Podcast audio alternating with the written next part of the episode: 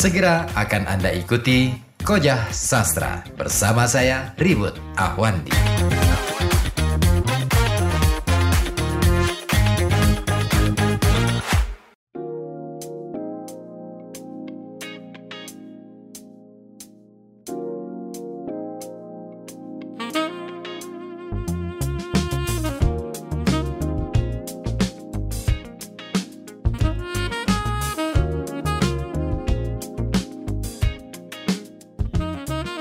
Kembali lagi di Koja Sastra dan saya masih dengan isai karya Maman Esmayana yang mengetengahkan tradisi kepengarangan. Lanjut kita baca.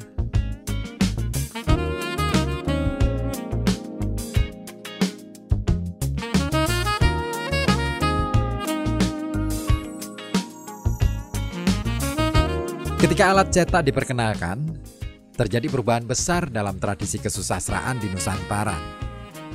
Ketika Abdullah bin Abdul Qadir Munshi pertama kali menggunakan alat cetak batu untuk karyanya, Kalila dan Damina, ia mengatakan ada empat manfaat yang dapat diambil dari alat cetak batu itu, yaitu pertama, betul perkataannya dengan tiada bersalah. Kedua, lekas pekerjaannya Ketiga, terang hurufnya, lagi senang membacanya. Dan keempat, murah harganya.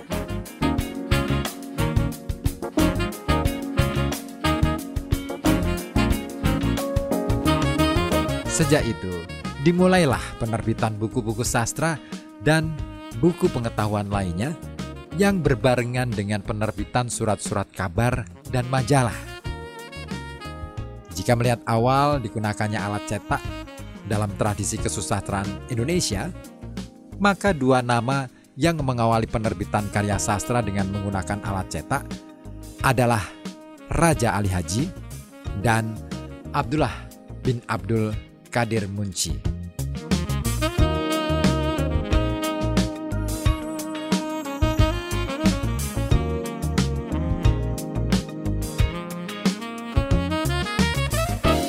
Dari sinilah sesungguhnya tradisi kepengarangan dan kesusastraan Indonesia modern dapat kita telusuri. Meskipun karya kedua sastrawan ini masih memperlihatkan ciri-ciri kesusastraan lama, peranan kepengarangannya sudah dilakukan secara profesional. Dengan demikian, peranan kepengarangannya juga dilakukan sebagaimana yang terjadi dalam masyarakat modern.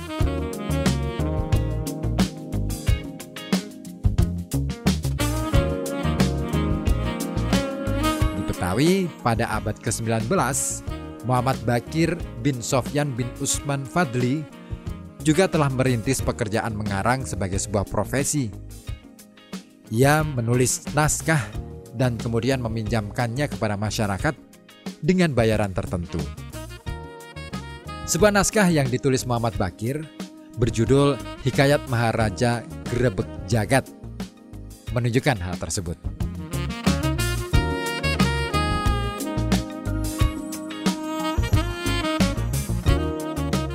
Dalam kolofon atau istilah lainnya catatan yang biasanya terdapat di belakang halaman judul, tertulis keterangan bahwa naskah itu selesai ditulis pada 29 Rabiul Akhir Hijratun Nabi Shallallahu Alaihi Wasallam sanat 1310 atau bertepatan pada tanggal 19 November 1892.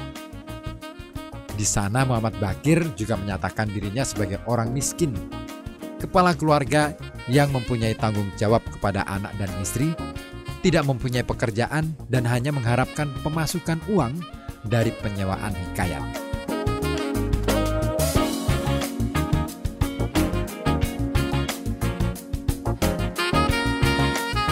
Untuk setiap naskah yang disewa sehari semalam, dikenakan tarif 10 sen.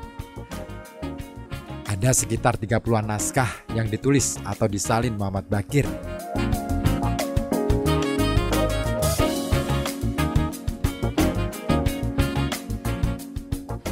Agar masyarakat mau menyewa naskahnya, Ia menulis sendiri ceritanya dengan tema yang bermacam-macam, mulai dari cerita wayang sampai hikayat Syekh Abdul Qadir Jailani atau menyalin kembali naskah-naskah milik ayahnya.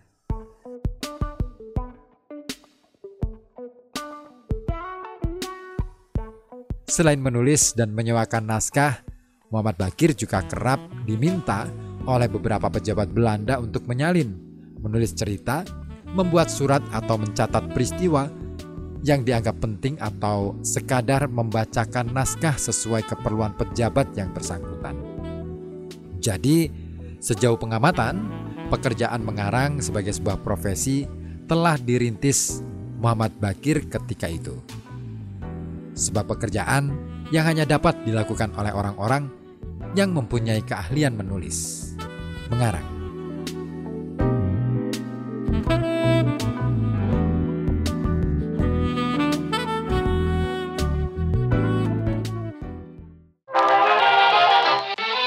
Koja Sastra.